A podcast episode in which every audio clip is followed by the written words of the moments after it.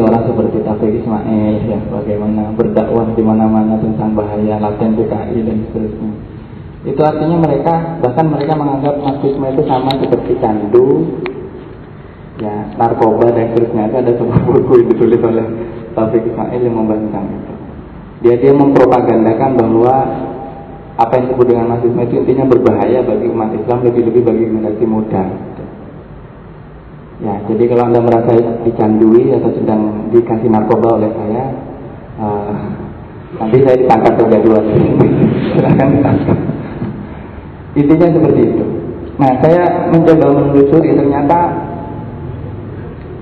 respon dari para pemikir Islam terhadap Marxisme itu sendiri itu sangat beragam, tetapi kecenderungan besarnya di Indonesia itu mereka sangat anti karena apa? Kiri itu identik dengan apa yang terjadi di tahun 60-an dalam bentuk e, komunisme dan komunisme itu dianggap sebagai anti-Islam pada dirinya dan sebagai sesuatu yang berbahaya bagi Islam. Padahal kalau kita melihat ternyata tentang sejarah di mana hubungan antara Islam dan dan tanda petik wacana Marxisme itu ternyata tidak selamanya sehitam putih yang kita lihat. Memang tahun 60-an ke belakang ada ada satu problem besar. Kemudian Islam dianggap sebagai antitesa dari Marxisme dan sebaliknya. Tapi kita lihat di awal abad 20 para founding father, para pejuang, para aktivis tokoh pergerakan Bumi Putra yaitu Indonesia. Waktu itu yang bernama masih Hindia Belanda seperti Haji Misbah, seperti Semaon misalnya, Darsono, itu seorang muslim, itu mereka adalah muslim yang taat. Ya mungkin ada yang kejawen atau yang abangan abangan itu kan ya biasanya dianggap bukan muslim yang taat. Itu kan sejak keyboard saja kita itu sudah menggunakan marxisme sebagai cara membaca problem yang ada di Indonesia. Dan mereka tidak asing, tidak asing dengan marxisme sama sekali, walaupun mungkin literatur yang mereka baca sangat terbatas. Mereka tahu dari literatur Belanda atau terjemahnya. Gitu ya. Kita tahu misalnya Haji Haji Misbah sendiri. Saya akan menyebutnya Kiai Haji, karena konon Kiai Haji Misbah ini adalah seorang kiai. Memang latar belakangnya adalah Muhammadiyah, bukan KNU. Kalau KNU ya saya yakin pasti pernah mondok pesantren dan Tapi jangan salah, dia juga pernah mondok. E, cuma memang waktu itu memang organisasi yang terkemuka adalah Muhammadiyah, belum ada NU. Itu dia seorang tokoh agama, kiai. Ya. Mungkin kita menganggapnya kayak sekarang ustaz, tapi sebenarnya lebih dari ustaz, seorang kiai. Cuma dia menanggalkan gelar kekiaiannya, salah satunya dengan apa? Simbolik dia mengubah uh, pecinya yang awalnya putih menjadi belangko. Itu sebagai salah satu bentuk keberpihakan dia terhadap bangsa bangsanya sendiri yaitu bangsa Jawa, orang Jawa. Karena waktu itu orang Jawa yang paling ditindas oleh pemerintah e, kolonial. Waktu itu bangsanya sedang ditindas. Jadi dia menanggalkan gelar kemudian bahkan dia melakukan kritik terhadap para ulama yang kemudian bersekongkol dengan nuansa Hindia Belanda atau pengusaha kolonial. Nah, di situ ada gagasan yang menarik dan saya kira ini harus terus-menerus dikritisi dan dielaborasi. Di mana Kiai Haji Misbah itu kemudian melahirkan satu gagasan yang disebut dengan komunisme Islam. Loh kok bisa? Komunis tapi Islam. Nah, apa yang dimaksud oleh Haji Misbah? Apakah itu pada level teologi, apakah level sosial atau apa? Nah, itu nanti kita bisa perdebatkan. Tapi intinya bahwa Gagasan-gagasan itu, pertemuan antara Islam dan Marxisme dalam berbagai bentuknya, itu bukan sesuatu yang asing dari kosakata dunia pergerakan kita. Dan bahkan nantinya tahun 20-an Bung Karno menuliskan esainya yang sangat terkenal, artikelnya sangat terkenal, yang disebut dengan Islamisme, Marxisme, dan e, nasionalisme. Ya. Artikel yang saya kira harus kembali kita baca hari ini bukan untuk kita baca saja tapi untuk kita elaborasi konsep-konsepnya. Nah, saya melihat e, di tahun 80-an, 90-an, 70-an, 80-an, 90-an memang kenapa tidak bisa diterima Marxisme itu? Karena waktu itu para intelektual Islam di Indonesia memang dihadapkan kepada kondisi di mana mereka harus menerima Islam yang pro pemerintah, yaitu pro orde baru. Jadi pro orde baru artinya menerima pembangunan development sebagai salah satu sebagai satu-satunya ideologi. Segala ideologi yang mengkritik, mengkritisi pembangunan harus ditolak. Nah oleh karena itu kita memahami di tahun 80-an eh, Gus Dur Haji Rahman Wahid itu sudah menulis esainya tentang tanggapannya tentang marxisme. Dia menulis tulisan judulnya perubahan struktural tanpa Marx. Jadi dia jadi setuju sama gagasannya Marx bahwa perlu ada perubahan dalam masyarakat yang disebut dengan perubahan struktural. Struktural itu artinya tidak hanya menyangkut individunya tapi struktur sosialnya harus juga berubah.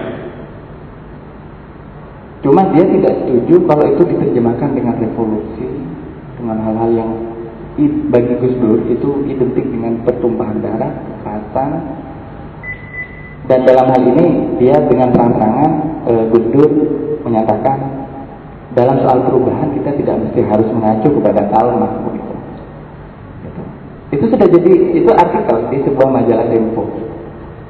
Kemudian Cak Nur, Cak Nur itu beberapa kali berbicara tentang marxisme juga.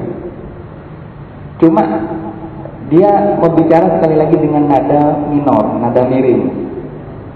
Bagi dia sampai kapan pun Islam itu tidak akan pernah bisa berdamai dengan marxisme. Kenapa? Karena ajaran marxisme itu pada dasarnya adalah materialis, yang itu artinya kalau di dalam Al-Quran disebut dengan kaum dahriyun. Jadi ada sebuah diskusi katanya la tusabbud fa ini Janganlah kalian ini hadis kursi, tapi Allah sendiri yang berfirman. Janganlah kalian itu me, apa, me, menjelek-jelekan waktu, karena akulah waktu. Nah kaum Dahriyun ini kemudian dianggap bahwa mereka yang memuja waktu, mereka memuja keabadian dunia, tidak percaya akhirat ini. Karena kaum materialis itu tidak percaya bahwa akan ada akhirat. Itu menurut menurut Cak Nur atau Nurul Majid. Dan Nurul Majid mengatakan dalam hal ini sebenarnya Marxisme adalah ideologi yang gagal. Anda bisa mencari itu referensinya. Dan Cak Nur itu saya juga aneh. Di awal 60-an, awal akhir 60-an, awal 70-an, dia sangat simpati dengan pemikiran kiri. Bahkan ada sebuah pamfletnya, dia ber, men, agak mirip-mirip kayak judulnya kayak sebuah kalimat di Nabi Stockholm ini. Judulnya seperti ini, wahai kaum buruh bersatulah. itu jangan. Saya akan tunjukkan itu aja. Itu tahun 70-an. Tapi tahun 80-an berubah. Kemudian berubah menjadi sangat anti. Dan tidak heran kalau kemudian tahun 2000-an eh, orang-orang seperti jaringan Islam liberal itu mengeluh-elukan Cak Nur sebagai tokoh liberalisme. Karena bagi mereka cocok. Karena kalau anti marxis jelas liberal. Nah, ini ini ini kurang lebih beberapa pandangannya. Tentu kalau kita mengutip yang lebih luas seperti Hamka, yang mereka terang-terangan anti dengan marxisme. Karena Mas Rumi punya pengalaman e, dengan PKI yang tidak enak. Nah, saya e, ingin masuk kepada beberapa prasangka tentang jadi hubungan antara Islam dan Marxisme ini diwarnai oleh banyak prasangka. Prasangka yang paling buat saya paling paling sulit untuk di, dipecahkan itu adalah prasangka teologi. Nanti saya akan coba menawarkan salah satu cara untuk memecahkannya. Karena begini, kalau problemnya teologi, umat Islam itu tidak akan pernah berkompromi. Siapa sih yang bisa mengkompromikan akidah? Kalau akidah itu merupakan inti dari tauhid. Nah, prasangka itu mengatakan seperti ini. Jadi ada faktor teologi. Faktor teologi itu mengatakan bahwa e, intinya Islam itu tidak butuh apa-apa dari ideologi-ideologi. Islam itu bukan kapitalisme, bukan sosialisme, bukan komunisme, bukan marxisme, bukan apa saja lah, bukan isme-isme itu bukan. Islam itu adalah suci dari semuanya. Islam itu superior eh, agama langit, tidak ada hubungannya dengan ideologi-ideologi di muka bumi. Yang itu semua hanyalah ideologi-ideologi palsu. Jadi di sini pemikiran seperti ini banyak berkembang. Nah pemikiran seperti ini ingin mengatakan bahwa Islam itu punya solusinya untuk membentuk umat yang baik. Jadi yang disebutkan dalam Al-Quran dengan umatan wasata atau eh, baldatun tayyibatun warahun kafur negeri yang baik dan direstui oleh Tuhan. Oleh karena itu, solusi itu mesti digali dari Islam itu sendiri. Tidak usah dan tidak perlu, dan itu hanya buang-buang waktu. Kalau mengambil dari il apa dari isme-isme itu. Nah di sini dianggap bahwa marxisme itu ideologi yang tertutup dibandingkan dengan agama yang itu bukan ideologi. Ya, Tentu kalau kita membandingkan kan tidak adil sebenarnya. Karena apa? Isme itu kan bikinan manusia. Kalau Islam itu bukan bikinan manusia. Islam itu diwahyukan oleh Tuhan. Nah, tapi memang sengaja Marxisme itu hanya dianggap sebagai produk manusia yang itu bisa salah dan palsu belakang. Ini antara yang dikemukakan oleh Nurul Majid. Dia mengatakan Islam itu superior dari segala jenis ideologi. Jadi Islam itu agama langit, tidak terkait dengan bumi.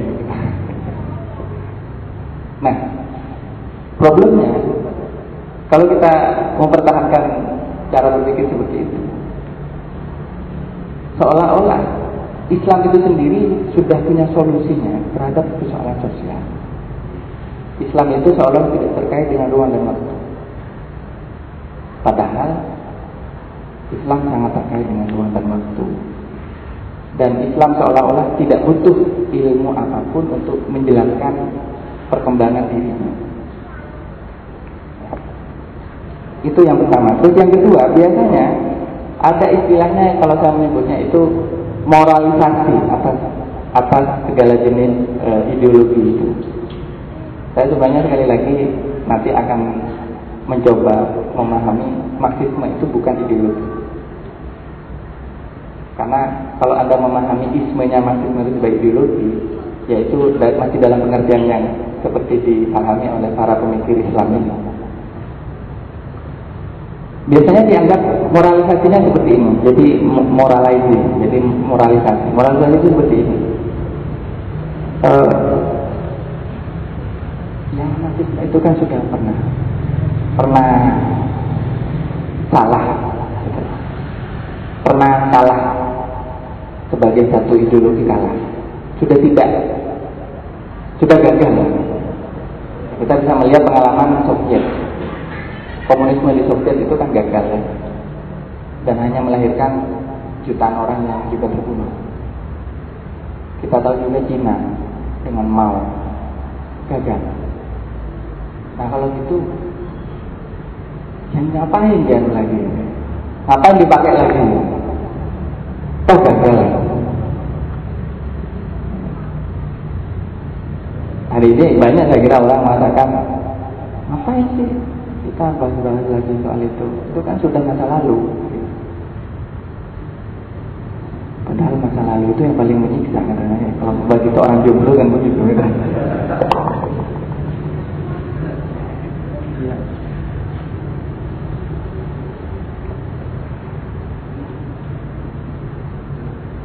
Jadi itu sendiri sebenarnya kalau kita lihat itu sikap ahistoris sebenarnya karena apa? Al-Quran sendiri tidak pernah melupakan masa lalu. Al-Quran selalu mengatakan bahwa Inna fi dzalika la'ibratan lil albab. Sesungguhnya di dalam kisah-kisah masa lalu itu terdapat pelajaran bagi orang-orang yang berpikir. Dan kalau kita tidak pernah mengkaji masa lalu, kemudian menganggap masa lalu itu sudah selesai, itu saya kira sangat tidak Quran. Dan itu yang diajarkan antara lain oleh Francis Fukuyama. Fukuyama di dalam bukunya The, End of History and the Last Man, akhir sejarah dan manusia terakhir, dia mengatakan bahwa segala jenis isme-isme itu dalam arti termasuk anarkisme itu sudah gagal dan karenanya tidak perlu lagi dilirik intinya hanya itu sebagai ornamen sejarah sebagai satu museum saja nah ini problem moralisasi seperti ini ini saya kritik karena uh, ini sayangnya juga menimpa pemikir sekelas Gus Dur. Ini Gus Dur yang ngomong kayak gini. Jadi Gus Dur, Gus Dur, ngapain? Udah selesai. Saya juga heran kok Dur sangat, menurut saya sangat sederhana sekali cara menilainya seperti ini. Jadi eh, moralisasi seperti ini bisa muncul itu karena ketidakberhasilannya karena tidak karena orang itu tidak melihat karena eh, kita tidak melihat aspek dialektis dari perkembangan sejarah. Memang ada kegagalan, tapi jangan lupa di tempat lain juga ada keberhasilan. Ketika misalnya, ini satu contoh kecil. Ketika di Soviet, komunisme negara itu, komunisme yang dianut secara ofisial oleh negara, oleh Stalin, yang waktu itu sangat kejam ya, dan membunuh jutaan orang itu hancur dalam arti gagal sebagai satu satu satu gerakan satu. Karena kemudian komunisme itu menjadi nama yang sangat kejam sekali jangan lupakan di Amerika Latin tahun 60-an tahun 70-an sedang terjadi satu proses revolusi yang mengubah negara itu sampai sekarang. Yang disebut dengan revolusi Bolivarian. Yang salah satu tokohnya baru saja meninggal yaitu Hugo Chavez. Itu satu keberhasilan. Artinya kegagalan di satu tempat bukan berarti kegagalan di tempat. Itulah sejarah. Nah, biasanya para pemikir yang seperti ini, orang yang punya berpikir seperti ini biasanya tidak melihat dialektik dialektis dari sejarah. Jadi dia menilai bahwa kegagalan di satu tempat itu pasti berlaku di tempat Nah, saya e, mencoba memahami bahwa sebenarnya memang ke keengganan, kalau saya menyebutnya ada keengganan dari para pemikir Islam kita. Ya. Saya, saya ingin mungkin anda bisa menyebutkan teman-teman makasih ya, makasih cukup cukup cukup. Uh, siapa saja coba cendekiawan Indonesia yang dilulukan tahun 80-an 90-an tahun 70 80 90 yang tidak alergi dengan Marxisme Anda bisa membaca itu di bukunya Yudi Latif judulnya Intelijensia Muslim dan Kuasa itu bercerita tentang pandangan komunitas kaum intelektual Islam ya tahun 80 hampir semuanya itu tidak pernah ingin mengaku dirinya sebagai seorang marxis. Ya. Tidak pernah. Karena apa? Karena menganggap bahwa marxisme itu memang masa lalu yang haram yang untuk disentuh. Sudah najis mughaladzah. Jadi modelnya sudah kalau anjing itu kan najis mughaladzah artinya harus sudah selain disapu pakai air harus pakai debu. Itu saya memahami karena memang ada ada satu problem pembaca ini ini saya mau lihat dulu dari sisi marxismenya ya. Kemudian nanti saya akan masuk ke Islam. Biar ada. Dan jujur yang bagian Islam ini saya tidak sampaikan dengan jujur Jadi saya, saya senang mudah-mudahan saya dengan ini bisa melengkapi kajian saya. Setidaknya tidak pernah benar-benar membaca. Coba saya mau saya saya, saya yakin ya, uh, para pendidik tersebut tidak pernah lagi membaca misalnya berkapita. Karena apa? Yang dari kapital itu ditulis orang umum, orang umum kan ateis, ya berarti ateis juga isinya. Nah, makanya, sebuah kapital ini di mana sih? Kapital itu sama sekali tidak bisa sama. Nggak ada hubungannya sama agama. Kadang orang lihat kafannya aja udah takut. Kan? Nah di situ pak problem lembaga. Nah saya heran, ternyata saya menemukan fakta yang menarik di Timur Tengah di tahun-tahun itu itu das kapital itu sudah diterjemah ke dalam bahasa Arab. Ada enam jilid, judulnya Ar-Rasulman. Rasulman, Rasulman itu kalau dalam bahasa Arab pokok harta. Dan tahu nggak tidak, kapital itu sudah ada di dalam hadis Rasulullah. Di dalam khutbah haji wadahnya Rasulullah ketika Rasulullah bersabda, "Walakum ru'usu amwalikum la tazlimuna Dan bagi kalian modal-modal kalian kalian tidak menzalimi dan tidak dizalimi. Jadi sebenarnya uh, das kapital itu sangat sesuai dengan hadis. ya, oh, ada di hadis. Jadi gini, di versi Arab dari das kapital, Rasulullah, saya baru dapat sekitar 3 tahun yang lalu. Saya koleksi gitu ya. Itu ternyata dipakai sebagai bacaan di Timur Tengah.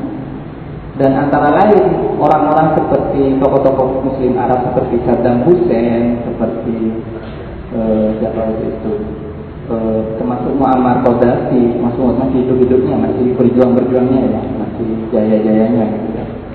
Itu membaca kayaknya. Termasuk yang paling terkenal adalah kawan Bung Karno sendiri yang bernama Jamal Abdul Nasir. Jamal Abdul Nasir ini seorang sosialis besar seorang tokoh sosialis, tokoh kiri ya di politik Mesir. Tapi eh, dia sangat disegani. Intinya dia seorang intelektual juga. Nah, kita bisa melihat di situ sebenarnya eh, problem pembacaan yang terjadi. Nah, pembacaan yang tidak tuntas terhadap sebuah karya itu akan mengakibatkan penilaian yang tidak tuntas dan pada akhirnya penilaian yang keliru. Dan ini terjadi. Nah problemnya menurut saya mungkin selama ini umat Islam tidak pernah membaca. Jadi tidak pernah mau tertarik untuk untuk membaca. Nah kalau kita mau membaca sebenarnya saya mengklasifikasikan secara epistemologis ini biasanya di bahan kajian menarik dalam konteks filsafat. Ada tiga jenis mak. Jadi mak itu sebenarnya ada tiga cloning. Mak. Mak yang pertama itu adalah mak, saya menyebutnya mak teoretik. Mak teoretik ini yang yang karyanya yang paling menurut saya paling susah dikaji dan paling tidak mudah. Dan bahkan saya yakin orang yang bicara tentang marxisme tidak semua tidak membaca Saya menyebutnya itu mark dari versi das kapital. Atau mark yang Marx sendiri kan punya punya satu keinginan. Untuk kalau istilahnya Engels itu ingin membangun benua baru dalam pengetahuan. Jadi emas yang mencoba membangun satu satu ilmu baru, satu paradigma baru di dalam pengetahuan. Yang itu digali dari yang saya sebut nantinya dengan materialisme historis. Tentu emas yang bergulat dengan tiga tradisi itu, yang pertama adalah tradisi ekonomi politik Inggris, Adam Smith, atau klasik, Adam Smith, Ricardo, kemudian bergula dengan idealisme Jerman, Hegel, Feuerbach, kemudian yang terakhir bergula dengan uh, sosialisme Perancis, Jean Simon, Charles Fourier dan seterusnya. Jadi menimba dari tiga sangat keilmuan ini. Jadi syekh, tiga syekh, tiga tiga arus ini emas melakukan satu dialektika dengan mengambil konsekuensi paling radikal dari ketiga pemikiran ini yang yang baru. Dan lahirlah kemudian pemikiran dia dalam bentuk karya-karya dan kapital seperti tiga kemudian beberapa karya seperti ideologi Jerman dan seterusnya ini masa pertama saja belum tuntas dikaji oleh kalangan manusia saya menemukan salah satu karya yang paling menurut saya cukup berani dan komprehensif di dalam membahas e, beberapa pemikiran di dalam Das Kapital itu. Antara lain ditawarkan oleh seorang filosof Muslim Iran yang bernama e, apa? Yang bernama uh, Mullah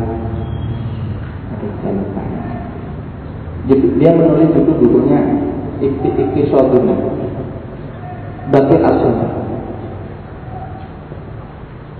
Beliau menulis dua jilid buku. Nanti kita bisa kaji di sini Saya lihat kajinya Kita bisa jangan ngirim Setiap bulan Kita bisa ngaji Ikti Soduna Ada dua, ada dua karyanya. Karyanya Muhammad Bakir As-Sodar eh, Ini seorang filosof, seorang mufakir, seorang menurut saya seorang filosof yang sangat orisinal dari dunia Islam. Ada di Filosofen jadi dia membangun filsafatnya sendiri judulnya filsafat kami. Dengan iktisoduna ilmu ekonomi kami. Khusus iktisoduna dia melakukan satu menurut saya dia sedang ingin menandingi dari kapitalnya mas Cuma terlalu tipis kalau memang dibilang nanti ini karena produk kapital itu kan sekitar eh, paling sekitar 900 halaman totalnya. Eh, tidak nyampe itu. Tapi itu ingin menandingi karena dia menggunakan kategori-kategori yang ada di dalam kapital seperti kategori nilai, e, nilai kerja, nilai lebih dan seterusnya itu dalam pemikirannya. Nah, di antara segelintir itu, itu mungkin baru bagi asal itu ya dahsyat saya belum menemukan pemikir-pemikir yang setuntas itu. Ya jangan mengutip Bung Karno. Bung Karno tidak pernah mendalami secara khusus tentang itu. Bung Karno itu ada satu kritik. Marxismenya Bung Karno itu adalah marxisme yang instrumental. Jadi instrumental itu masih menggunakan marxisme hanya sebagai alat untuk membangkitkan semangat rakyat supaya melawan penjajah. Jadi Bung Karno sendiri tidak mengeksplor sampai kepada hal-hal yang paling detail dari filsafat Kemudian yang kedua, jenis cloning Marx yang kedua itu atau eh, apa ya? Ya namanya ada tiga. Marx yang kedua itu adalah Marx yang sudah ditafsirkan oleh para penulisnya. Ini kalau dalam silsilah keislaman, ilmu keislaman itu ada tobakah, tobakah Tabakot itu artinya generasi awal, kedua. Jadi kayak kayak hadis saja gitu. Jadi ya seperti itu. Jadi sudah ditafsirkan oleh siapa? Ada Lenin. Eh, yang paling dekat adalah oleh Engel. Kemudian Engel itu menulis satu karya yang itu bukan karya Marx, tapi sempat dibaca oleh. Judulnya Dialektika Alam. Anti Durin Dialektika Alam anti During itu dia polemik dengan seorang filosof Jerman namanya During e, dan dia memunculkan istilah dialektika alam bahwa alam ini sebenarnya memiliki e, di, bekerja dengan dialektik. Kemudian ada juga Lenin, nah Lenin ini yang memberi bentuk bagi Marxisme, yang kemudian disebut dengan Marxisme Leninisme.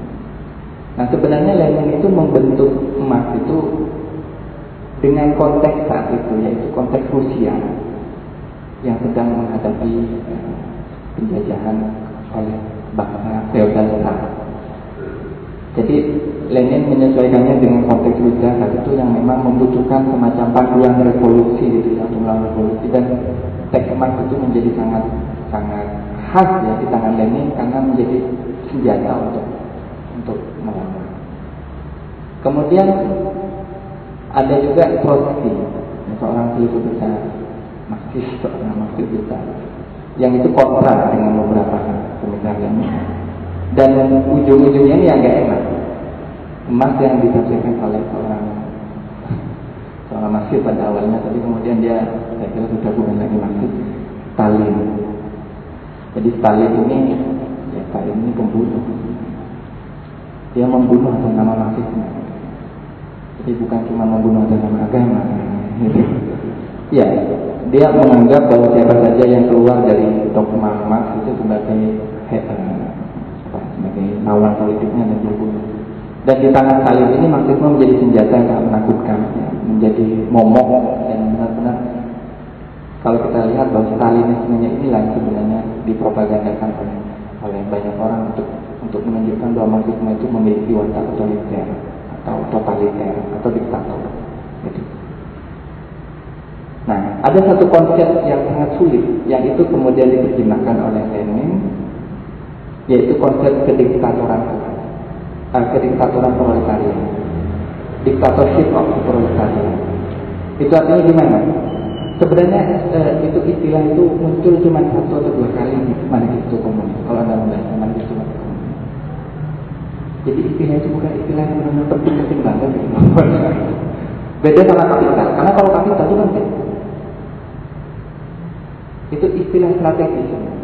Jadi maksudnya begini, di dalam transisi revolusi ketika terjadi perubahan besar bernama revolusi, nanti ketika terjadi pertarungan keras antara kelas dan proletar, kelas ini akan akan menguasai alat-alat produksi, menguasai pabrik. Saya kira kalau masjid enggak, masjid, masjid ini bukan alat produksi ya. Masjid ini semacam justru tempat untuk melepas produksi ya. Jadi seperti itu. Kemudian terjadi pengalihan ini dengan apa? Dengan paksa. Itu itu penggambarannya ya. dengan paksa. Karena apa? Kelas struggle atau perjuangan kelas itu akan mencapai puncaknya ketika terjadi fase ini. Memang di sini mengerikan, kemudian seolah-olah memberikan kesan tentang adanya satu dominasi satu kelas terhadap kelas yang lain. Nah, tapi ini konsep ini menjadi sangat penting. Kemudian seolah-olah menjadi inti, ya, maksudnya inti yang memang seolah doktrin dasar dari Muslim itu sejak kemudian eh, itu diterapkan secara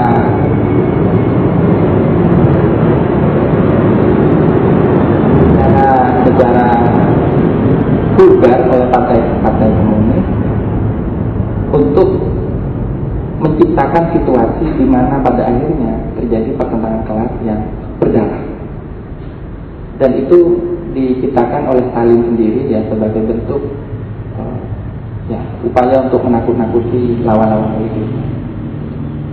Nah, ketika terjadi misalnya revolusi Bolshevik tahun 1917 di Rusia, di mana rakyat ya, kaum buruh itu bangkit, kaum proletar, petani, kemudian itu itu kenapa lambang dari kalian komunis itu kan palu arit, itu palunya itu adalah adalah lambang bagi buruh, arit itu adalah lambang bagi petani.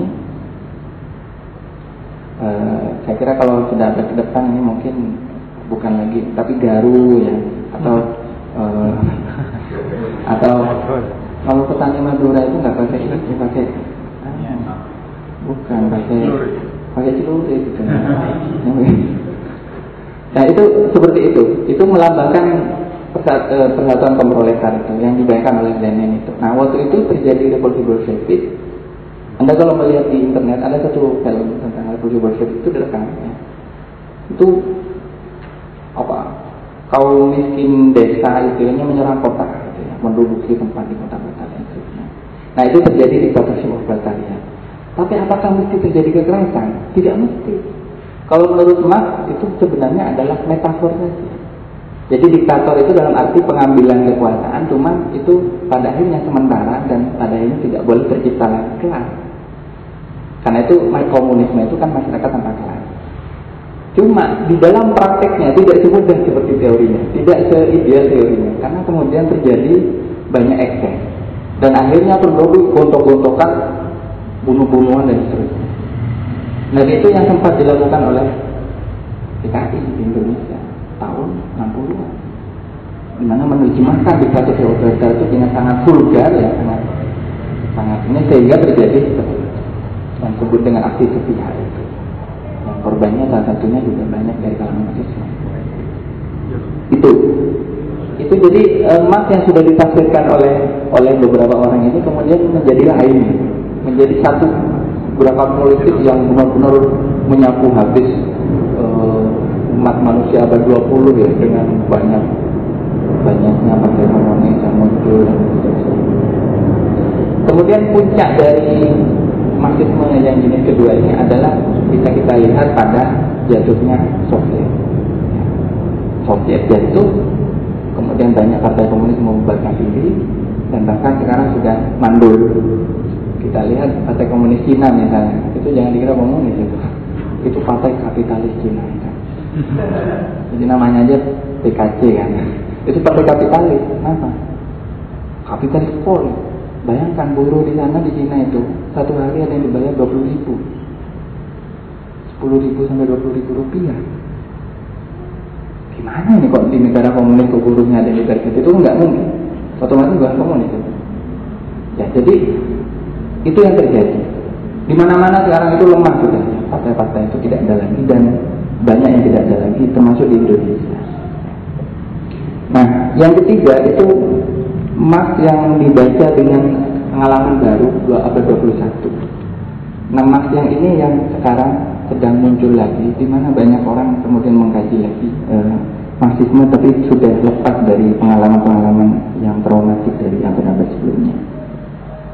Nah, di sini eh, saya menawarkan pertanyaannya, apakah umat Islam yang sekarang menjadi satu umat yang sangat besar di dunia dan dalam konteks ini di Indonesia itu apa masih layakkah untuk melihat marxisme atau menyinggung mengkaji dan seterusnya saya mungkin secara eksplisit akan mengatakan bahwa untuk memahami dunia hari ini tidak mungkin tanpa membaca lagi Marx minimal membaca lagi Marx Walaupun Anda tidak perlu membacanya mesti harus dengan Lenin, dengan apalagi dengan Stalin tentu tidak mungkin. Tapi membaca lagi mas. Nah dalam hal apa? Pertama begini, mungkin beberapa klarifikasi dulu. Pertama, kita penting memahami kritik mas terhadap agama. Ini bagian paling gak enak. Kenapa? Enggak enak orang dikritik. Orang beragama itu kan inginnya yang damai, yang tenang itu. Kok tiba-tiba dikritik? Nah, berarti kan musuh saya. Tunggu, apakah Mas itu musuh? Kita lihat, kritik Mas terhadap agama itu sebenarnya hanya sampai sedikit, satu ungkapan sedikit. Ungkapan yang sering-sering sering di, di itu kalau di ulang-ulang. Agama adalah jantung apa? Tadi masyarakat atau rakyat itu ditulis Mas di usia muda ketika dia belum matang untuk menilai menilai agama. Yang kedua di situ Mas masih ada kalimat lanjutannya sebenarnya kalau kita baca. Di situ Mas mengulang kritik bukan agama sebagai ajaran keimanan atau ketuhanan, tapi agama sebagai lembaga sosial. Agama ini katanya Mas punya dua fungsi. Dia kadang memiliki fungsi untuk meredakan penderitaan, dan karena itu dia candu. Tapi dia juga punya fungsi untuk memberi harapan hidup bagi orang-orang yang sedang kesusahan. Nah, fungsi yang kedua ini yang tidak pernah disinggung. Bahwa agama itu selain bisa mengalienasikan kesadaran pemeluknya. Jadi orang asik ibadah tapi tidak mau melihat penderitaan temannya atau saudaranya jadi di di Syria lagi perang, di sini asik e, beribadah tapi nggak mau peduli. Di Timur Tengah ada perang, di Eropa ada terorisme nggak mau peduli. Pokoknya asik ibadah saja. Nggak tahu di mana ya di Indonesia ada apa. Ada. Itu efek efek alienatif dari agama. Kemudian ada yang kedua, sebenarnya ini yang tidak pernah disinggung dalam kritik terhadap agama, yaitu efek harapan. Agama itu buat Mas adalah harapan bagi orang-orang tidak mampu, orang-orang yang tertinggal. Nah, itu berarti agama sebenarnya punya potensi membebaskan. Cuma kok agama jarang menjadi kekuatan yang membebaskan karena agama apa tidak menyadari potensinya. Karena orang beragama tidak menyadari potensinya. Jadi sebenarnya dengan agama kita seperti punya nafas panjang untuk melanjutkan kehidupan. Ini menarik. Saya beberapa waktu lalu sempat ketemu sama seorang pejuang ya warga gitu ya dari Urut Sewu ke Bumen itu. Dia itu tiap kali merasa kalah ya karena dia berjuang supaya memper, untuk mempertahankan pertaniannya itu ya tanahnya dari tentara kan waktu itu disabot sama tentara kan ya. Teman-teman saya yakin sudah pernah mengikuti isu ini. Dia mengatakan kalau saya tidak punya Gusti Allah saya pasti sudah mati itu artinya luar biasa agama itu Artinya kita kalau kita percaya kepada Tuhan, itu energinya berlipat-lipat. Bukan cuma untuk melawan, tapi untuk meyakinkan diri kita bahwa kita tuh masih hidup. Nah ini saya kira efek yang kedua, dan ini efek yang kedua ini yang ditarik oleh seorang filosof Jerman yang bernama Walter Benjamin. Bahwa agama itu katanya punya efek mesianik. Mesianik itu efek pembebasan mesia. Ya. Itu kayak apa ya? Suatu saat kalian akan bebas. Jadi uh, walaupun nggak tahu kapan bebas, tapi ya percaya aja lah gitu. ya kalau ibaratnya kita kan juga percaya sama Mesia, Masih Isa bin Maryam, yang suatu saat nanti akan membebaskan dunia dari, dari cengkraman Dajjal. Ya ini ini Allah alam ini persoalan politika. Tapi intinya ada efek pembebasan itu. Kemudian uh, itu. Jadi kalau dengan kita mampu memahami kritik emas terhadap agama, yang disebut ini tidak banyak, ya. kali lagi tidak banyak. Dan kemudian energi emas ke, ke seluruh hidupnya, hampir seluruh hidupnya kemudian tidak pernah lagi membaca agama. Jadi sebenarnya karena persoalan satu frase yang kecil itu kemudian jadi bermasalah dan kemudian itu menjelaskan sebagian perilaku kaum marxis sendiri yang sosok ateis gitu ya, sosok anti agama gitu. Saya juga sering bertanya dengan orang-orang sini seperti ini. oh, ngapain lu sholat gitu kan? Itu candu gitu. candu candu gimana ya? ya. Jadi itu. Kemudian yang kedua, saya eh, bagaimana membangun, saya kira perlu membangun dia. Ini saya, saya singkat saja karena waktu kita sudah Membangun dialog pada beberapa level. Nah saya kira ada tiga level yang saya tawarkan. Mungkin teman-teman pernah membaca wawancara saya di Indo Progress beberapa bulan yang lalu. Ada tiga level. Pertama adalah level ontologi. Pada level ontologi ini kita mesti menguji seperti tadi, apakah Islam itu bisa berdamai dengan marxisme dan sebaliknya. Pada ontologi kita memahami bahwa ada beberapa versi dari marxisme ini yang tidak cocok dengan Islam. Seperti versi dari materialisme yang menempatkan segala-segala sesuatu yang ada ini sebagai sesuatu yang pada dasarnya adalah rasional dan berjalan menurut yang disebutnya dengan hukum alam. Istilah ini ini yang di, dikemukakan oleh Engels di dalam Dialectic of Nature. Ada yang namanya hukum alam. Nah di dalam Islam kita tidak mengenal hukum alam. Alam itu tidak memiliki apa-apa. Alam itu, jadi saya itu kadang aneh kalau ada teman di Facebook tiba-tiba mengatakan atau di mana itu ya mau bersyukur atau apa terima kasih alam bantuan alam alam nggak bisa ngapa-ngapain. Alam itu kalau menurut Imam Ghazali itu pada dasarnya ada tidak memiliki kekuatan. Kecuali kita yang menganggapnya itu memiliki kekuatan. Tapi kalau kita menganggap memiliki kekuatan, kita sirik. Ya. Anda yakin bahwa apa? Batu akik itu bisa bikin Anda lebih sakti, syirik. ya, jelas ya. Tapi di sisi lain uh, alam itu juga bekerja dengan yang disebut dengan sunatullah. Nah sunatullah itu apa? Kalau di, difahami oleh para filsuf muslim itu sebagai intervensi Tuhan yang terus menerus di dalam kehidupan. Nah kalau Tuhan punya intervensi otomatis tidak ada keniscayaan yang mengatur alam ini. Alam ini tidak tidak pernah punya hukum yang tetap. Oleh karena itu kalau Tuhan mau besok kiamat, saya yakin besok kiamat. Tapi ada sunatullah yang Tuhan gariskan, yang itu mungkin bisa kita baca garis besarnya melalui ilmu. Misalnya kalau bintang tidak mungkin jatuh kalau tanpa ada gesekan dan terusnya. Misalnya. Nah itu pada level ontologis tidak selamanya sesuai. Nah belakangan e, ada upaya untuk memahami dialektik dengan cara yang lain. Nah, kalau dialektik itu ditarik kepada level itu memang berat. Tapi dialektik itu bukan berarti sama sekali tidak relevan. Itu pada level ontologis. Karena dialektik itu menurut uh, Marx setidaknya tergant mengandung empat aspek. Ya. Yang pertama, interaksi. Interaksi itu artinya hubungan antar segala sesuatu. Jadi ada hubungan antara ini dan itu A dan B, B dan C dan seterusnya. Tapi tidak sekedar hubungan, ada perkembangan development.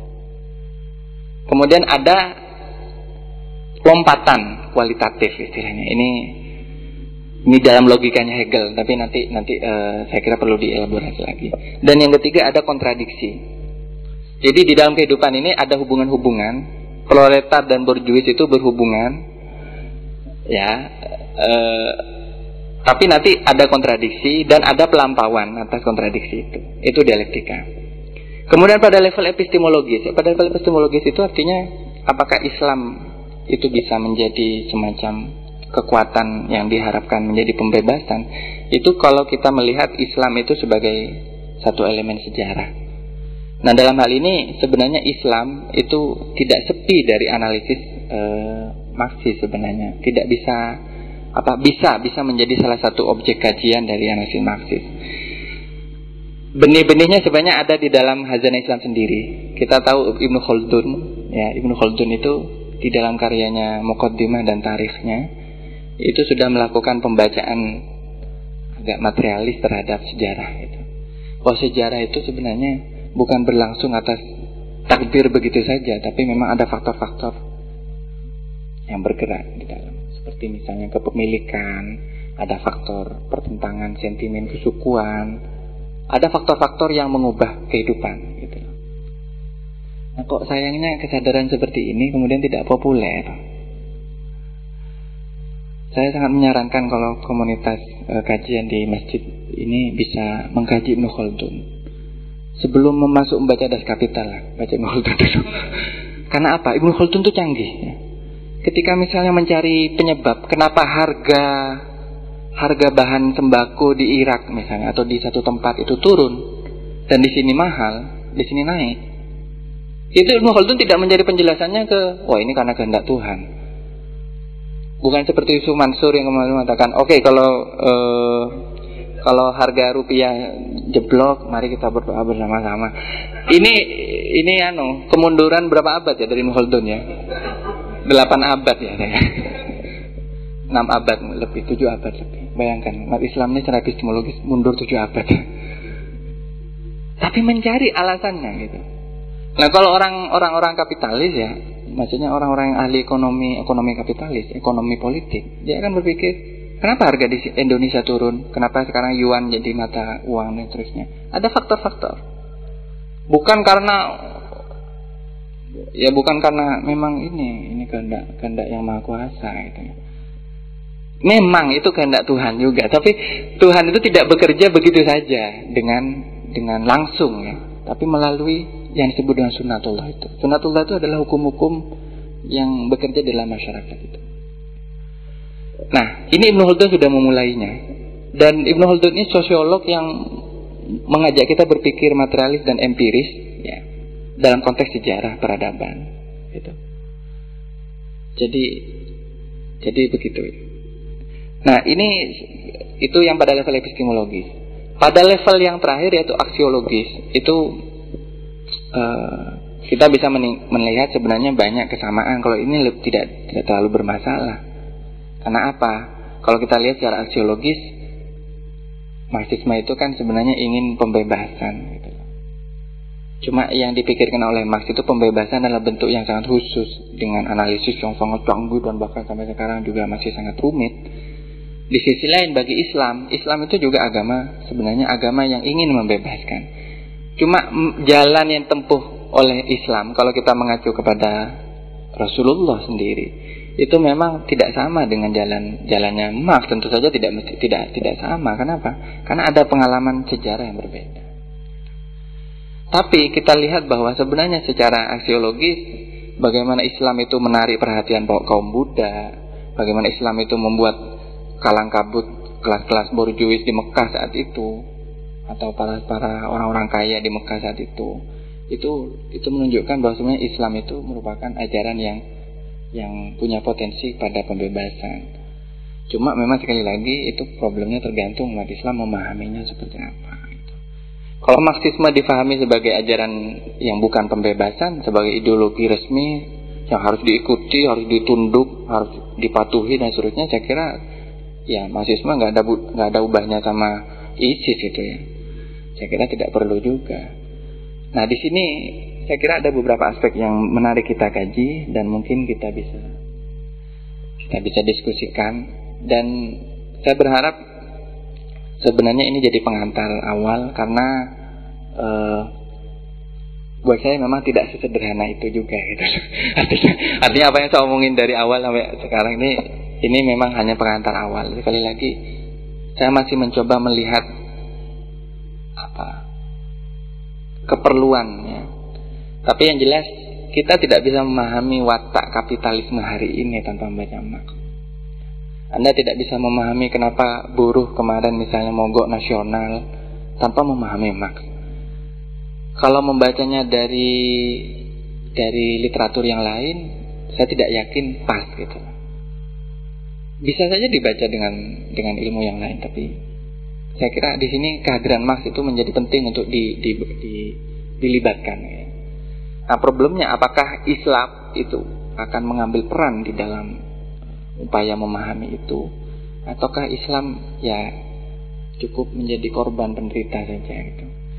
Karena jujur kapitalisme di Indonesia ini korbannya paling banyak umat Islam dan ya, kita seolah-olah tidak memiliki satu solusi untuk untuk memahami itu untuk apa memecahkan persoalan itu. Itu saja Mas Wahid. Oh, maaf, maaf. Assalamualaikum warahmatullahi wabarakatuh.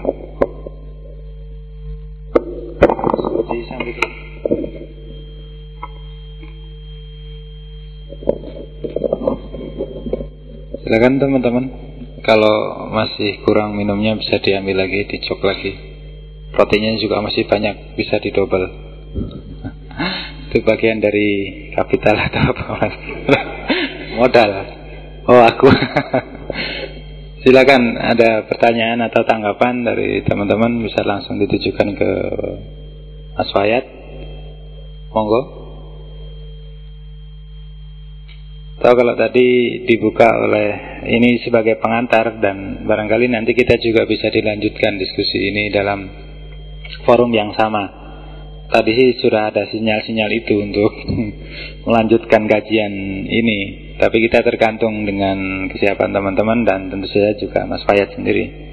Kami sih yes saja untuk melakukan itu.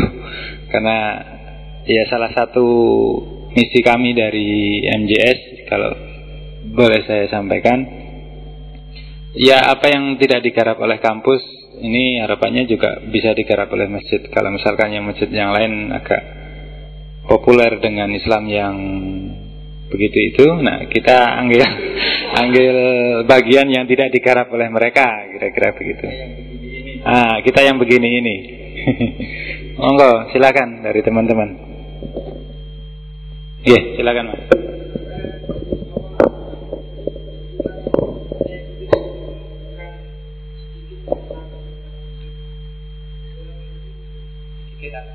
Kekurangan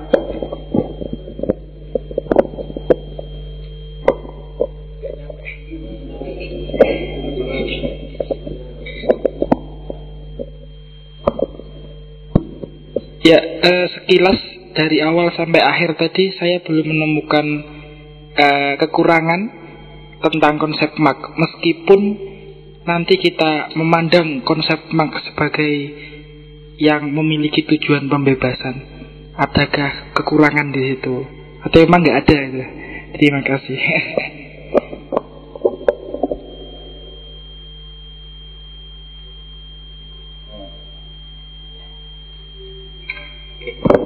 Tadi saya uh, saya belum saya agak capek tadi ya. Jadi nggak langsung ngomong soal Islamnya.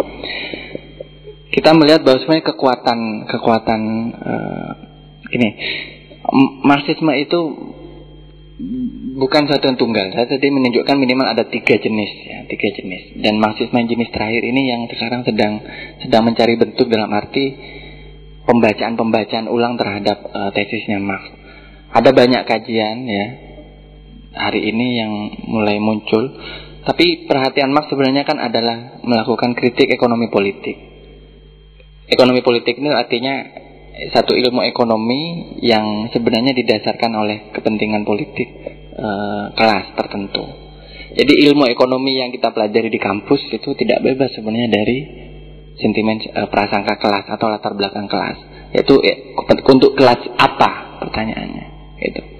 Nah, Marx ingin melakukan kritik itu dengan membedah, membongkar ya, seluruh pengandaian asumsi dari kenapa kapitalisme itu bisa eksis. Gitu. Karena kapitalisme itu bisa eksis karena dia dipercaya sebagai satunya eksis. Nah, dalam hal ini musuh epistemologis dari Marx itu adalah uh, yang disebut dengan homo economicus. Ya, makhluk ekonomi, bahwa manusia itu direduksi hanya menjadi makhluk ekonomi. Nah, kekuatan Marx saya lihat pada analisisnya. E, minimal saya kira teman-teman bisa membaca itu di Das Kapital pertama, setidaknya di separuh bagian pertama. Itu terlihat analisis kekuatan analisis Marx dari analisis terhadap komoditas sampai kepada kerja itu sendiri, watak dari kerja manusia.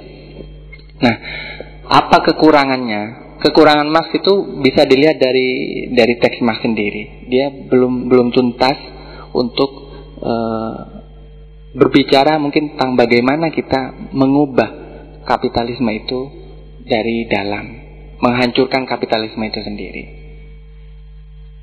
Jadi kalau kita lihat Marx tidak pernah memberikan resep tentang bagaimana mewujudkan yang dalam petik kesejahteraan bersama dalam masyarakat komunis itu tidak pernah ada.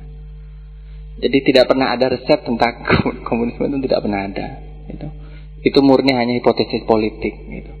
Jadi mengubah hubungan kapital uh, yang mengubah kapital itu sendiri yang pada pada awalnya berwatak eksploitatif menjadi kapital yang dimiliki bersama yang itu nantinya mengandaikan adanya kepemilikan bersama secara kolektif itu yang menjadi problem teoritis paling sulit dari dari marxisme yang ada dalam das kapital. Dengan itu ketidaktuntasan itu kemudian melahirkan banyak problem. Di sisi lain kalau kita membandingkannya dengan Islam, saya kira begini, Islam ini kan harus pertama-tama harus kita lihat sebagai satu satu apa ya? Satu pandangan dunia yang yang yang apa? Yang memandu kita secara moral untuk menjadi manusia yang secara individu maupun sosial baik dan sejahtera lahir batin di dunia kan seperti itu.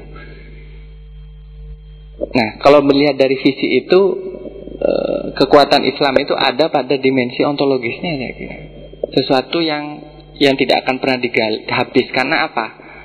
Keimanan itu bukan sesuatu yang bisa dirumuskan. Gitu. Jadi kekuatan Islam ada pada keimanannya. Nah, sedangkan Marxisme itu bukan tidak bisa memberikan jaminan atas keimanan. Marxisme itu bukan untuk diimani kok. Gitu. Marxisme itu untuk dibuktikan hipotesanya benar atau salah. Oleh karena itu Marx mengatakan bahwa marxisme itu adalah sebuah sains, sebuah ilmu. Sebenarnya ilmu itu kan nggak boleh diimani. Murtad kalau dia. Jadi ilmu itu jangan dibuktikan uh, tidak tidak untuk diimani. Anda tidak perlu mengimani bahwa Ibnu Khaldun itu adalah sosiolog paling hebat Ya memang sosiolog paling hebat, tapi paling hebatnya seperti apa kan gitu. Harus harus bisa di, dibuktikan. Dan tentu di dalam pembuktian itu pada akhirnya akan terlihat apa yang kurang atau yang belum dikatakan oleh Marx. Lemas itu mengkaji pada analisisnya pada masyarakat industrialisme, masyarakat industrial abad 19. Yang waktu itu Anda kalau mau tahu, eh, teman-teman kalau mau tahu bagaimana masyarakat saat itu, teman-teman bisa melihat foto-foto dari revolusi industri buruknya situasi kerja, bahkan perdagangan anak sebagai anak buruh ya. Waktu itu luar biasa. Buruk sekali ya. Nah, itu Marx itu belum melihat apa yang terjadi di dunia jajahan, di dunia ketiga. Jadi ada banyak uh, itu analisis Marx itu intinya adalah analisis pada kapitalisme pada abad itu. Tentu ketika dikembangkan dalam konteks hari ini, secara epistemologis dari teori Marx sendiri itu banyak problem. Kenapa? Kapitalisme hari ini kayaknya baik-baik saja. Wah ramah lingkungan gitu ya. Apalagi memberi kita wanita impian kita kan gitu. Saya e, kalau di sini mungkin belum ada situs yang khusus biro jodoh gitu. Saya pernah di Eropa itu orang kalau cari jodoh sekarang itu lewat bantuan internet bantuan korporasi perusahaan. Terkadang nanti nggak tahu apa kalau cocok mungkin bisa dikembalikan atau gimana. Tapi intinya bisnis cinta itu. Makanya saya pernah saya bilang kapitalisme hari ini itu sudah menjadi darah daging kita. Apakah dengan demikian sebenarnya kita bisa melawan? Ya. Justru di Mas membuktikan bahwa di titik di mana kapital itu hidup, di situ sebenarnya perlawanan antar kapital juga hidup. Gitu. Ketika misalnya kita membuat satu, uh, misalnya ini ada sebuah pesantren, ini bereksperimen menarik sekali. Dia membuat uh, minuman seperti ini, tapi hasil dari bacaan Al-Quran, mas. Jadi, ya, jadi nah, orang ngaji, ngaji gitu ya, khutmil Quran, Kemudian ya taruh air, nggak tahu apa mungkin ini dibuka kayaknya dulu deh. Jadi dibuka dulu mungkin di gitu ya. Itu kemudian dijual.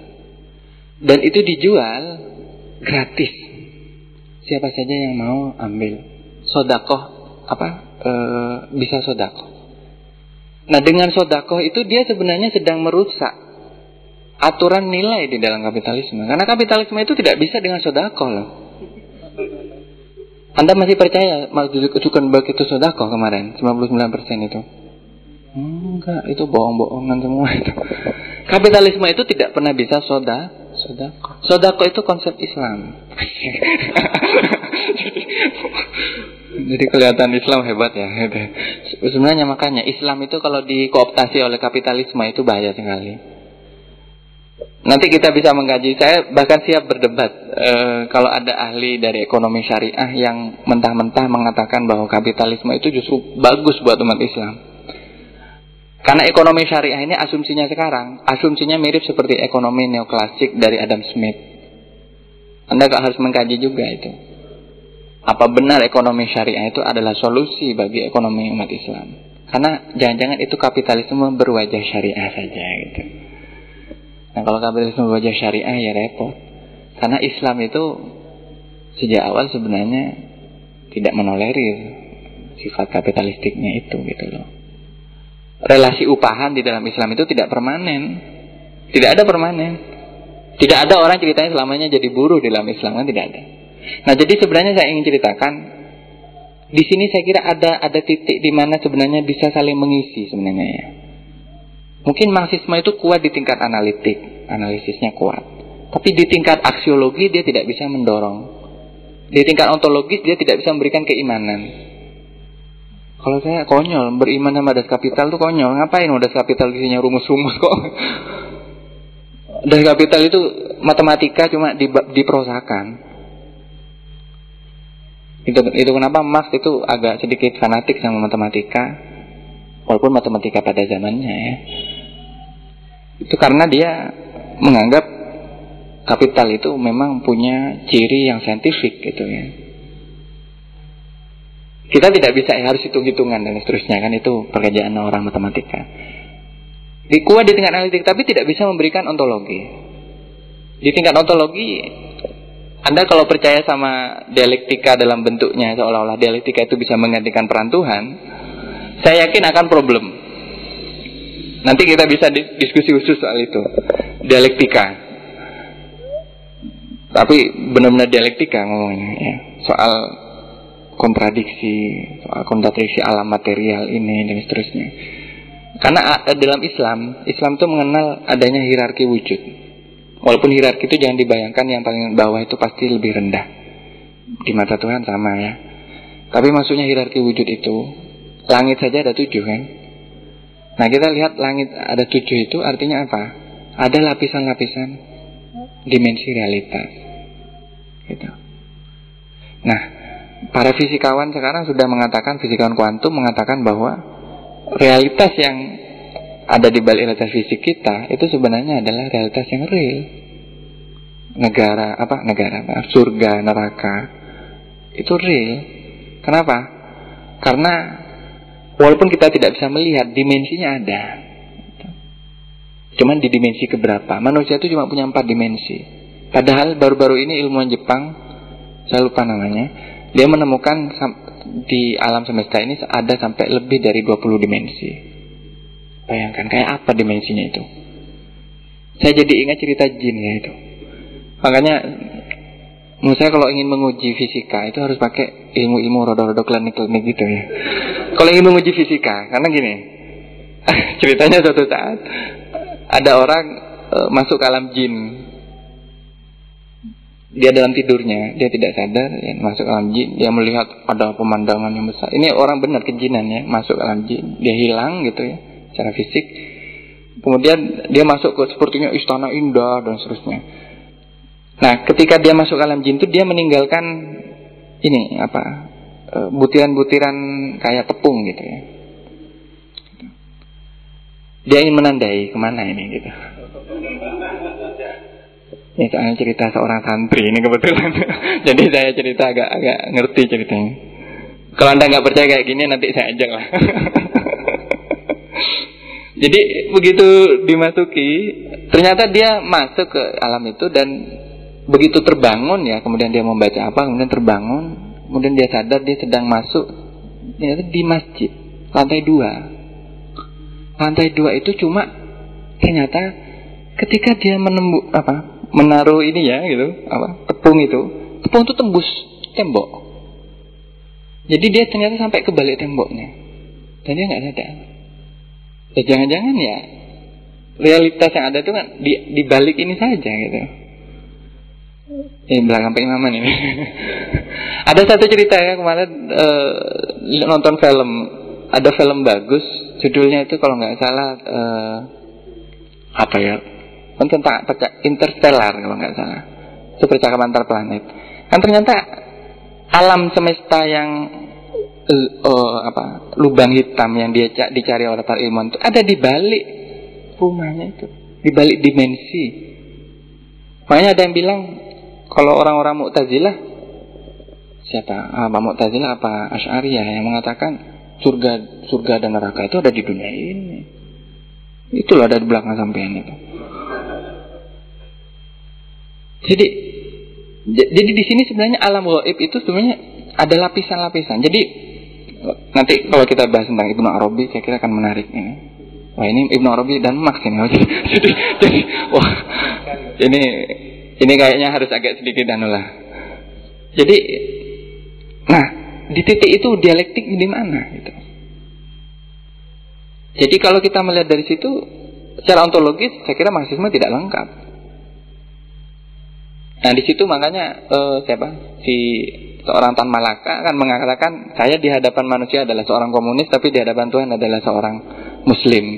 Karena dia tidak bisa sepenuhnya bisa menangkap dialektika pada level itu. Gitu. Nah, tapi kita bisa mengejar sebenarnya. Silakan Anda buktikan dan Anda kejar sampai kepada penalaran paling rasional.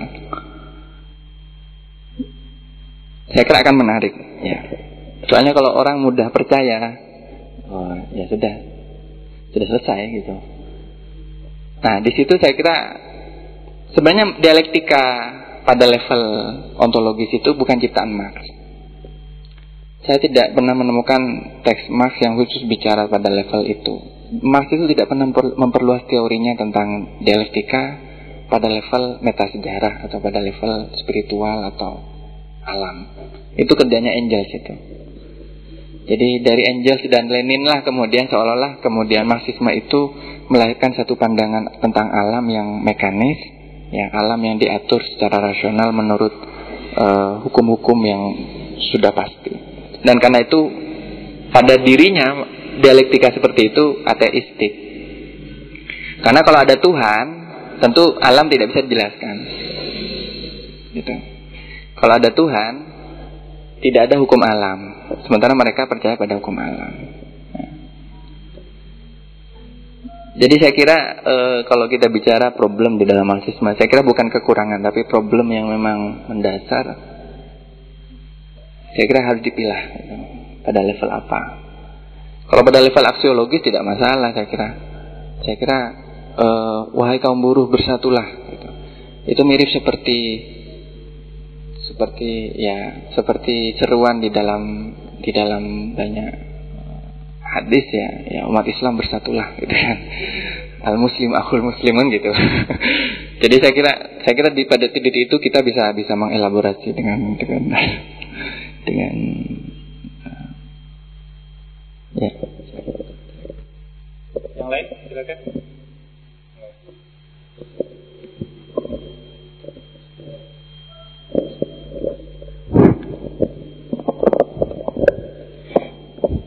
Bismillahirrahmanirrahim. Terima kasih atas kesempatan ini diberikan oleh Gus. Uh, kita kita mengetahui bahwasanya pemahaman kita tentang teori dan pemikiran dari Marx itu kan sering kali mengalami, sering kali mengalami paradoks karena pemahaman kita tentang pemikiran Marx itu kita mengetahuinya dari para Marxis gitu. Orang-orang yang menerjemahkan ini loh pemikiran Marx. Sebab di saat uh, autor itu menulis pemikirannya dan dibaca oleh reader, maka hak reader untuk untuk menentukan dan menginterpretasikan apa yang diinginkan oleh pemikirnya. Nah, sehingga yang saya tanyakan di sini sederhananya, apa sih yang diinginkan oleh Marx dalam teorinya ini dan dan bagaimana cara mengaplikasikannya gitu. Dan yang kedua pertanyaan saya adalah kenapa Islam itu sangat alergi sekali dengan dengan pemikiran Marx? Uh, Walaupun tadi sudah sempat dijawab, masa hanya sederhana frase yang diucapkan oleh Mas bahwasanya agama adalah candu gitu. Ya itu aja. Assalamualaikum warahmatullahi wabarakatuh. Sebenarnya pertanyaan juga begini, apakah setiap kali kita membaca Marx kita otomatis menjadi Marxis? Kan tidak juga. Oleh karena itu saya saya sekarang begini, saya saya kira kita mesti membaca Marx tanpa peduli apakah kita menjadi Marx atau tidak. Karena e, yaitu memperlakukan Marx sebagai teks. Karena sebagai teks Marx itu e, sama seperti teks-teks yang lain itu bisa didekonstruksi, bisa bisa dibongkar juga gitu. Tapi tidak asal bongkar juga gitu, tidak tidak akan tidak asal kita mengklaim bahwa Marx pasti salah di situ kita harus bergulat dengan teks itu sendiri. Nah tentu apa yang ditulis oleh kaum Marxis ini bisa kita jadikan referensi sebagai satu bandingan pembacaan untuk membantu kita. Tapi mengatakan bahwa apa yang dikatakan Marx itu otomatis sama dengan apa yang dikatakan oleh kaum Marxis itu saya kira problematik. Kaum Marx sendiri selalu berusaha seperti itu. Selalu apa yang saya katakan ya ya ini yang saya tulis itu. Ya, artinya e, orang lain memikirkan tentang saya itu itu interpretasi dia gitu. Nah problemnya di Indonesia orang membaca mak itu dari mana? Saya kira dari propaganda saya kira dari propaganda yang yang di, dihembuskan oleh orang-orang yang yang yang memang anti Marxis gitu loh. Sekarang saja mungkin lumayan lah. Kita bisa mau punya akses di internet lah. Anda bisa membaca di Marxis ORG dan seterusnya. Eh, teks-teks Marx sendiri lumayan lah sekarang ya ada ada satu kebebasan untuk membaca itu tapi kalau 10-20 tahun yang lalu jangan membayangkan gitu ya anda membawa bukunya Pram saja padahal Pram itu nggak sama sekali nggak pernah ngutip Marx loh saya juga heran mananya yang Marxis dari Pram ini Coba saya tanya, mana yang maksud dari novelnya Pram? Bingung kan? Kebanyakan orang nggak ngerti juga mana ini kiranya kiri, novel kiri iya novel kiri ya karena Pram dulu pernah aktif di Lekra gitu. Tapi karyanya itu sendiri coba mana yang Marxis yang mengajarkan ya penggambaran-penggambaran itu yang mungkin dibilang Marxis. Tapi tidak jelas juga gitu loh. Artinya kita ini memang terlebih sering karena fobi, gitu loh, karena fobi. Nah ini fobi ini yang jangan sampai kita sebagai generasi muda ini jangan sampai kita kita kita warisi. Gitu.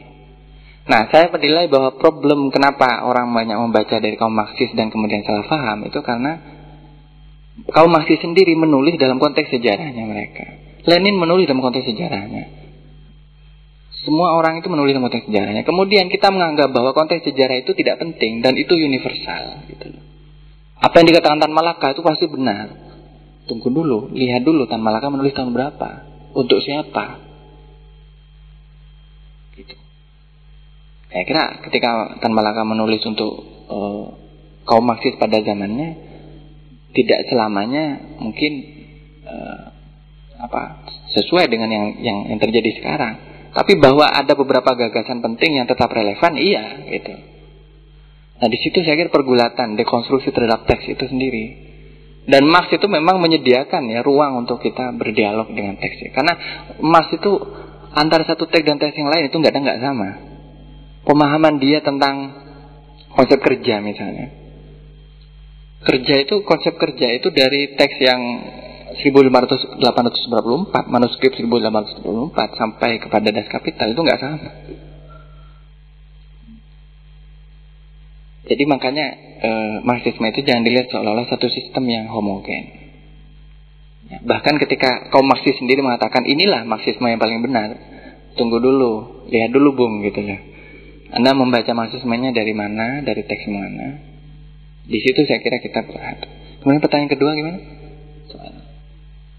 Oh ya, saya kira itu karena faktor empiris sejarah ya, karena pernah, karena saya membaca buku faktor itu dijelaskan dengan baik oleh Maxim Rodangsong, tulisannya Maxim Rodinson dalam bukunya eh, Marxism in the Muslim World, Marxisme di dunia Muslim. Itu buku menarik sekali kalau bisa diterjemah. Uh, Maxim Rodangsong adalah seorang Marxis Prancis, sosiolog Marxis dia mengatakan satu faktor kenapa umat Islam itu benci sekali dengan Marxisme dan itu tidak terjadi hanya di di di Indonesia ya, hanya di dunia Arab juga. Itu karena e, Marxisme itu dianggap sebagai ajaran yang mengagitasi orang untuk untuk e, bukan anti agama, untuk saling bermusuhan satu sama lain. Nah di situ memang saya lihat emas itu harus dibedakan dua antara teks-teks teoritiknya dan ilmiahnya yang itu rigid, kaku dan bisa jadi kering. Walaupun walaupun saya tidak pernah menganggap emas itu kering ya, tapi menggairahkan. Luar biasa prosanya emas kalau Anda membaca kan luar biasa hidup ya. Dan teks-teks politiknya, teks-teks politiknya itu memang sangat memprovokasi. Ketika misalnya Marx mengkritik uh, kaum kaum borjuis, mengkritik kelas-kelas penguasa yang ada di Jerman saat itu itu benar-benar memang membuat orang-orang itu ya panas dingin gitu ya mungkin. Nah dari situ saya, di situ saya kira e, pertanyaannya apakah e, ya di situ saya kira lebih pada aspek politisnya gitu ya. Nah di situ ajaran Marxis sebenarnya e, kaum Marxis itu sebenarnya apa Marxisme itu sebenarnya dianggap sebagai ajaran yang berbahaya, subversif bagi tatanan yang dominan. Nah tentu kita bisa mengambil itu sisi positifnya bahwa itu sebagai satu kritik kritik yang keras terhadap satu masyarakat yang penuh dengan uh, problem itu persoalan sosial. Jadi Marx itu akan sangat keras sekali ketika terjadi terjadi ya termasuk misalnya ya kaum beragamanya nyantai-nyantai gitu ya. Kalau di samping kanan kirinya pak umatnya di dihabisin gitu.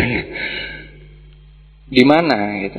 Nah, di situ saya kira uh, mungkin marxisme itu di situ menjadi seolah-olah menjadi hal yang sangat menakutkan gitu.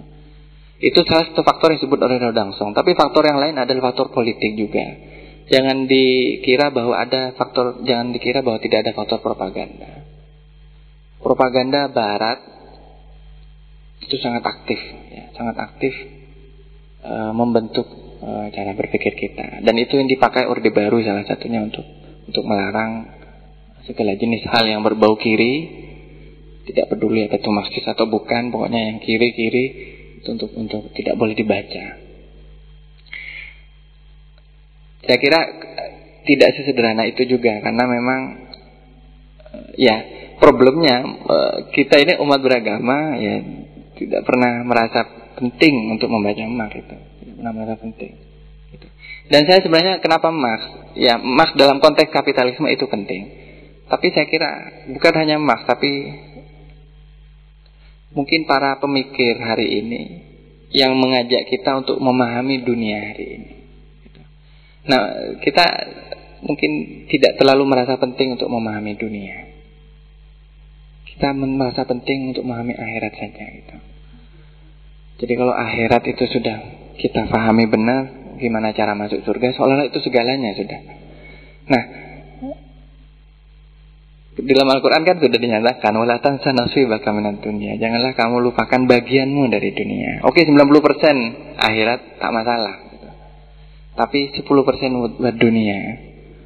Dunia itu dalam arti jangan bukan saja difahami sebagai kekayaan atau keuntungan material, tapi memahami apa yang terjadi di depan kita.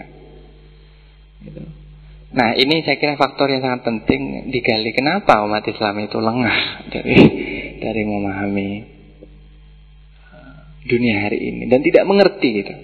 Ketika terjadi perang imperialis contohnya nih ya di, di Timur Tengah, kita tidak menerimanya, memahaminya perang imperialis itu. Itu perang antara Islam versus Barat kan gitu. Padahal kita sebenarnya sedang diadu domba gitu. Jadi sentimen Islam hari ini itu kan sangat efektif untuk membuat orang percaya bahwa ini sedang terjadi uh, perang dan umat Islam harus berperang melawan Barat. Gitu. Tapi Barat mana yang masuk nggak jelas juga. Gitu. Sehingga orang ingin berjihad berjihad tapi karena tidak mengerti medan gitu kan tidak mengerti bahwa yang terjadi sebenarnya adalah perang kapital Maksudnya eman daripada berjihad ke Timur Tengah mending berjihad ke sini kan banyak ya problem kapital itu.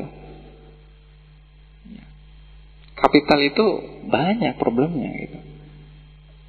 Membuat koperasi yang tangguh, yang mandiri, yang bisa menghidupi seluruh anggotanya itu perjuangan melawan kapital. Kalau saya menambahkan satu, tidak berbelanja di Indomaret, di Alfamaret. tidak apa? Terpaksa ya mas. Nggak tahu belinya di mana tadi. Oh di Alfamaret tadi lupa mas Indomaret. Wah melanggar janji ini.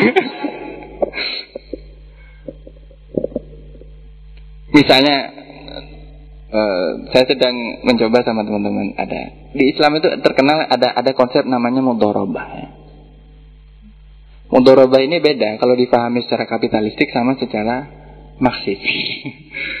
kalau secara kapitalistik itu artinya kita itu naruh saham modal. Sampai punya modal, modal dibagi nanti ada dividen macam-macam. Tapi itu menjadi ajang permainan kapitalis gitu. Anda bisa melihat di buku-buku manual uh, ekonomi syariah, buku-buku teks ekonomi syariah itu difahami seperti itu. Tapi saya memahaminya lain. Mudorobah itu sebenarnya adalah sistem yang menghapus relasi upahan. Contohnya gimana? Nah, contohnya orang buka warung, ya, 60 persen eh, pembagiannya perjanjian dengan yang kerja di warung Misalnya Mas Wahid buka warung, saya kerja sama dia gitu ya. Nah, gimana supaya kerjanya itu tidak ada relasi upahan? Karena relasi upahan itu yang sebenarnya adalah dasar dari kapitalisme. Caranya, ya ini kan pinter-pinternya aja. Caranya mudorobah. Mudorobah bagi hasil, gimana caranya? 60% buat sampean, 40% buat saya. Jadi saya kerja, itu hasil keringat saya. Karena sampean sudah modali mas, jadi sampean lebih 20% nggak apa-apa. Sampean yang modalin kan, yang sudah nyedain tokonya, nyedain barangnya, nyetok, nyetok macam-macam deh terusnya. Saya bekerja, tapi saya bekerja bukan untuk sampean, tapi untuk juga menghidupi saya dengan kerja saya sendiri. Sehingga misalnya satu satu bulan dapat untung satu juta, enam ratus ribu masuk ke mas empat ratus ribu masuk ke saya. Coba dipikir, kayak gitu adil apa enggak? Pertama, relasi upahan tidak ada. Saya bekerja atas dasar sendiri. Saya kalau satu bulan lah omsetnya sampai 20 juta, berapa persen? Ngeri ya, 40 persen. Kemudian yang kedua, di situ kerja, orang bekerja menghasilkan nilai bagi dirinya sendiri. Tidak menghasilkan nilai untuk orang. Dalam relasi upahan, orang menghasilkan nilai untuk orang lain. Jadi saya sudah kerja seharian. Contohnya Anda bisa melihat di banyak video tentang uh, buruh-buruh yang ada kerja di pabrik tekstil di Jawa Barat itu, di apa di Jabotabek. Itu ada sebuah judulnya apa saya lupa itu ya. Itu luar biasa, masya Allah. Satu jam dia menghasilkan puluhan celana naik. Yang itu kemudian diekspor ke London dan satu satu celana naiknya saja itu dihargai sampai ratusan dolar. Dan dia upahnya berapa? Satu bulan paling cuma 400 ribu. Eksploitasinya kayak apa itu? Itu yang dibongkar oleh Marx bahwa kerja buruh itu itu sebenarnya dia mengalienasikan dengan produknya sendiri. Jadi kerjanya itu menghasilkan sesuatu tapi bukan untuk dirinya gitu. Dia untuk orang lain. Dan orang lain itu adalah kapitalis itu. Yang terus menerus menginvestasikan hasilnya, dia menggaji murah buruhnya dan seterusnya. Nah, kalau kita bisa menghapus relasi upahan itu, minimal misalnya tadi dalam bentuk perjanjian yang lebih ini gitu. Jadi, oke okay, Mas, sebagai bentuk solidaritas saya mau kerja untuk sampean. Tapi saya dikasih bagian yang besar lah ya, tapi mau. Oke, 30% lah atau 35% atau 40% misalnya. Oke, 60% buat sampean cukup udah lumayan kan. Saya siap kerja. Saya memproduksi nilai bagi sini sendiri. Ini sebenarnya adalah perlawanan di tingkat yang paling kecil terhadap kapitalisme. Jadi kapitalisme itu sebenarnya bermasalahnya ketika apa? Ketika ada di dalam satu relasi yang eksploitatif. Dan itu yang dibongkar oleh Marx dengan berbagai teori, dengan berbagai konsep itu. Nah, memang problemnya umat Islam ini kadang ya ini bahayanya ketika kita tidak mengerti apa yang sedang terjadi. Kita menganggap kita sudah punya konsep yang bagus-bagus, mudoroba, uh, bahkan Islam itu kan anti riba dan seterusnya. Itu sebenarnya apa? Kalau kita pahami dengan ekonomi politiknya mak, kritik ekonomi politiknya mak, wah dahsyat sekali. Tapi siapa yang memahami itu sekarang?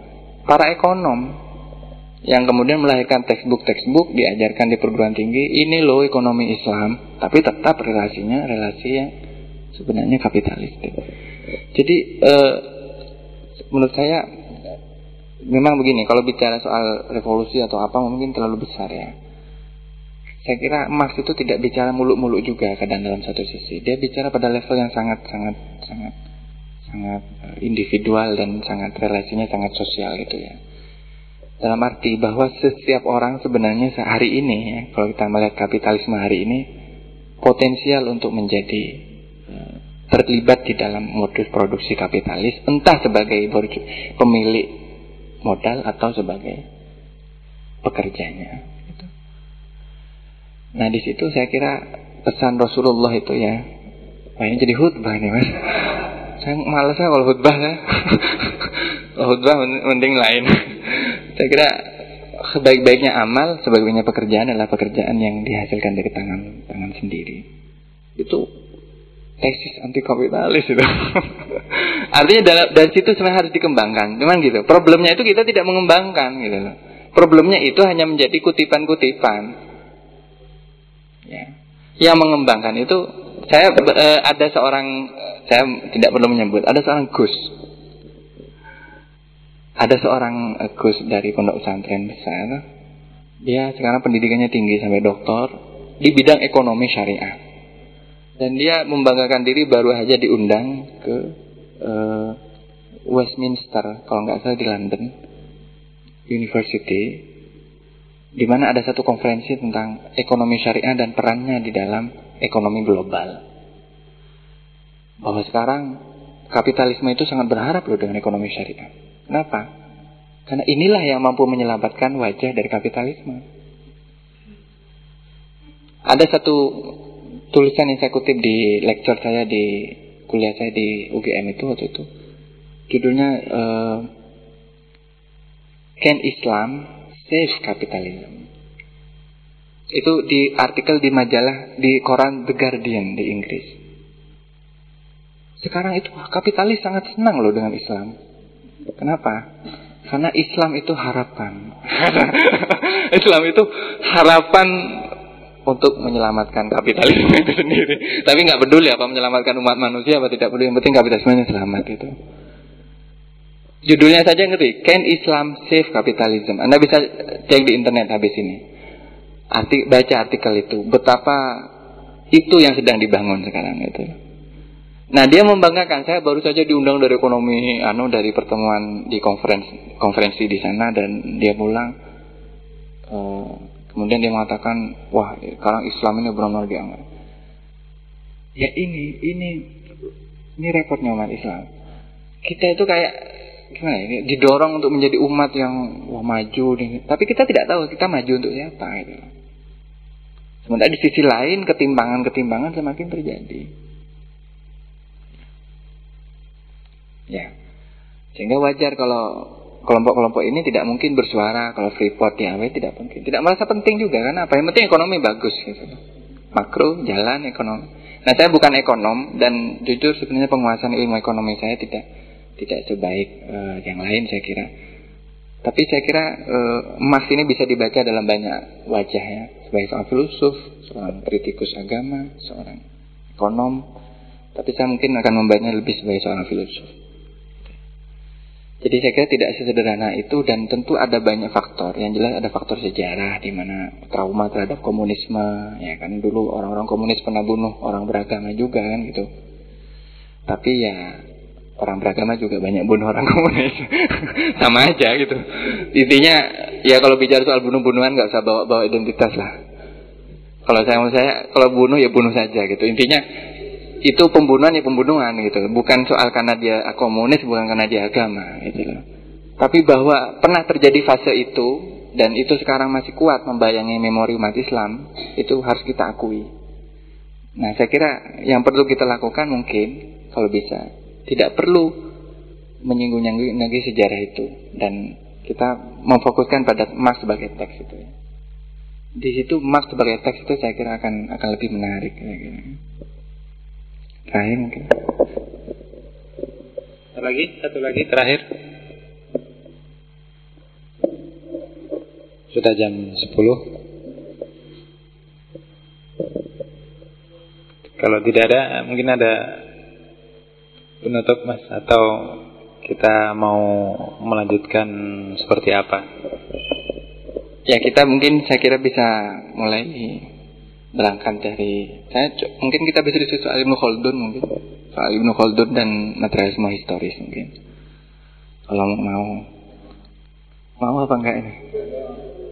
Ini bisa berangkat dari Ibnu tapi saya kira gini akan lebih bermanfaat sebenarnya kalau teman-teman juga melakukan semacam pembacaan. Jadi teman-teman juga membaca. Jadi sehingga ketika interaksi seperti ini uh, ya tidak kosongan gitulah artinya juga ada modal untuk kita bisa membaca bersama. Uh, saya sangat tertarik ya dan uh, apa mungkin dengan interaksi seperti ini saya banyak dapat menerima masukan karena uh, sebenarnya ini bukan bagian dari riset saya secara khusus cuman saya kira kalau kita bisa mengkaji banyak uh, penemuan penting dari ilmu sosial hari ini ya termasuk dari marxisme dan filsafat, saya kira kita akan akan punya banyak tools atau alat untuk untuk membedah problem-problem yang ada di sekitar kita. Tanpa harus sekali lagi terjebak dengan wacana-wacana yang sudah mainstream atau sudah klise di di media gitu ya. Jadi eh, mungkin itu saja. Jadi mungkin biar agak nuansa kajian. Saya jujur maaf minta maaf tidak bisa menyiapkan tulisan karena Mungkin kalau misalnya si, uh, diskusinya bisa lebih dipersiapkan bisa pada tulisan dan uh, mungkin kita bisa mulai dari pelan-pelan dari apa tradisi Islam sendiri bagaimana dan ya. Ya terima kasih. Assalamualaikum warahmatullahi wabarakatuh. Ya terima kasih banyak atas yang sudah disampaikan oleh Gus Fayat dan harapannya ini nanti ada keberlanjutan dari kajian kita. Kalau Pak Faiz memang sudah paten begitu, materinya juga dari Pak Faiz mungkin juga nanti kita bisa rumuskan bagaimana uh, berapa pertemuan dari sesi ini sehingga secara keilmuan kita bisa paham lebih komprehensif dan tentunya ini sebagai bekal kita juga untuk memahami apa yang terjadi hari ini, terutama terkait dengan umat Islam ataupun dengan yang lainnya. Itu teman-teman, uh, terima kasih atas kehadirannya. Mari kita akhiri forum ini sama-sama membaca hamdalah. Alhamdulillahirobbilalamin. Dari kami mohon maaf. Masih ada snack, silakan dihabiskan. Dibawa pulang juga bisa. Kopi masih ada. Kalau kita mau nonton bareng juga bisa tergantung takmirnya. Terima kasih. Assalamualaikum warahmatullahi wabarakatuh.